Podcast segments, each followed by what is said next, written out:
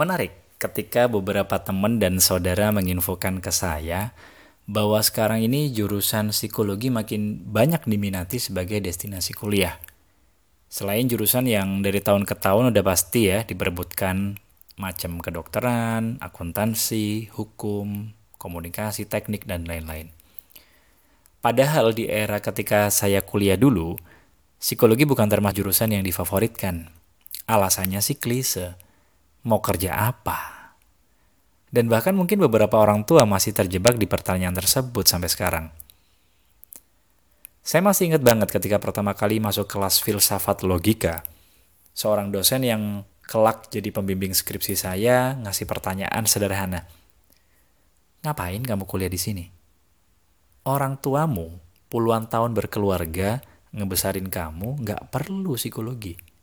Terus kon lapo nang kene?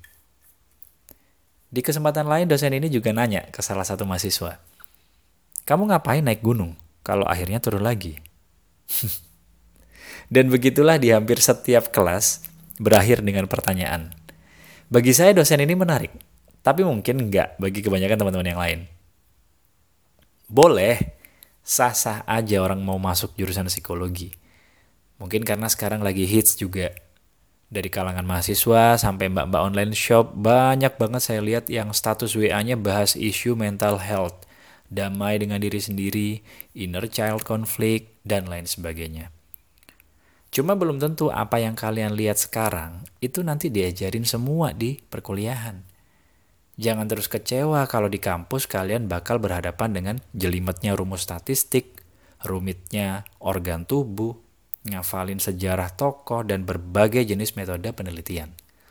Belum lagi ketika nanti ngeliat orang bisa hipnoterapi, bisa ngatasin mental illness. Lalu kalian nganggap itu bisa dipelajari dalam kurun waktu 5-7 tahun? Nggak semua yang lo lihat sesempil itu. Kita bahas. Agak mundur ke belakang ya.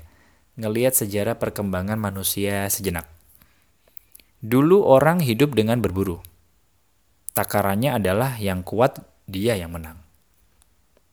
Lalu ganti era industri di mana tenaga manusia mulai digantikan mesin. Jadi, siapa yang punya mesin, maka dialah yang bisa menguasai. Terus era komputer atau teknologi, dan sekarang digital. Siapa yang bisa memanfaatkan, dialah yang dapat pengakuan. Nah, kesemuanya itu tujuannya apa? Nggak ada lagi selain materi. Kenapa gitu? Selama ini pendidikan kita lebih banyak mengajarkan hanya sesuatu yang bisa dilihatlah yang dianggap ada. Dengan kata lain, ketika kamu berusaha menunjukkan sesuatu yang nggak kelihatan kepada orang lain, maka kamu tidak akan dianggap. Paham ya? Saya ulangin hanya sesuatu yang bisa dilihatlah yang dianggap ada. Dengan kata lain, ketika kamu berusaha menunjukkan sesuatu yang tidak terlihat, maka kamu tidak akan dianggap. Apa buktinya? Coba perhatikan. Takaran orang dianggap sukses zaman sekarang. Ada nggak yang mengakui kalau misalnya kamu udah sukses mengenal diri, kamu sukses menjadi bijaksana. Kamu sukses bertumbuh ilmu dan wawasannya. Ada. Hmm.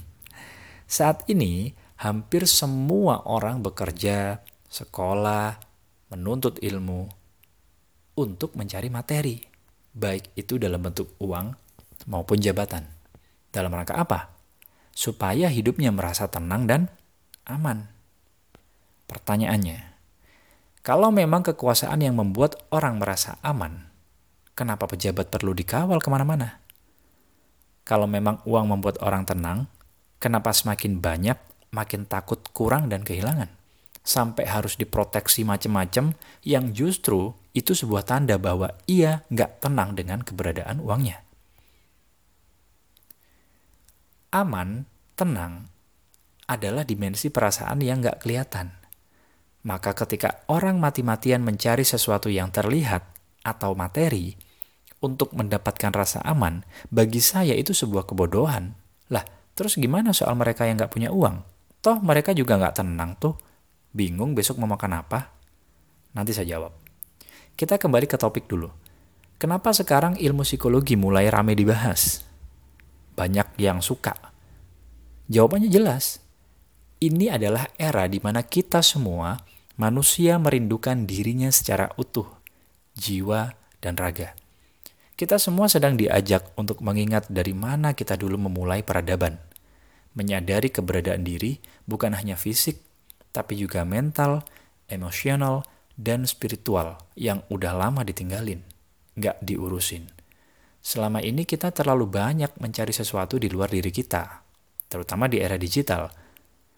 Pandemi membuat kita makin sering megang HP, produktif mempelajari orang lain, bisnis, cari cuan demi postingan. Nah, gimana bisa berdamai dengan diri sendiri? Mengenal saja enggak. Salah satu aliran psikologi yang saat ini makin gencar dipelajari di Amerika adalah psikologi transpersonal. Sebuah aliran yang mempelajari manusia secara keseluruhan, baik dari sisi fisik yang terlihat maupun yang nggak kelihatan seperti mental, emosional, hingga spiritual. Salah satu tokohnya, Robert Fraser, mengatakan bahwa potensi tertinggi manusia yang bisa dicapai ada pada dunia non-fisik atau yang tidak terlihat. Dia juga mengkritik cara pandang ilmu psikologi kuno dengan mengatakan pikiran dan perilaku adalah elemen yang selalu berubah dalam diri manusia. Lalu kenapa kita terus bersandar kepada sesuatu yang terus berubah itu? Karena kalau terus berubah, kita nggak bisa bergantung dong. Maka kita membutuhkan sesuatu yang sifatnya tetap. Apa itu? Nah, seorang filsuf Helena Blavatsky juga menambahkan begini. Satu-satunya yang menetap dalam diri dan akan selalu kembali ketika kita butuhkan hanyalah spiritualitas. Saya pernah ngomong di salah satu forum bahwa apa sih yang dimaksud dengan spiritual? Spiritual itu adalah spirit dan ritual dari dua kata. Ritual adalah cara-cara tertentu, spirit itu jiwa.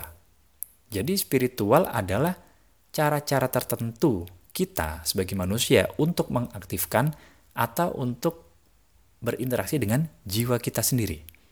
Nah, kita boleh lupa dengan diri kita karena terlena dengan duniawi, tapi spirit atau jiwa bakal tetap setia menunggu kapan kita mau kembali lagi dan mengajak dia interaksi. Gitu. Menurut Helena Blavatsky. Aliran ini berusaha mengkaji dengan cermat esensi dari ilmu psikologi yang sebenarnya. Seperti yang pernah saya bahas di podcast terdahulu, bahwa jika ingin belajar psikologi, maka yang paling awal harus dipahami adalah jiwa. Menurut beberapa tokoh psikologi transpersonal yang dikaji dari ilmu sofistik, jiwa manusia bahkan dikatakan memiliki tujuh aspek, yaitu mineral, nabati, hewani, pribadi, insani, rahasia, dan maha rahasia. Nah, nanti kapan-kapan kita boleh bahas.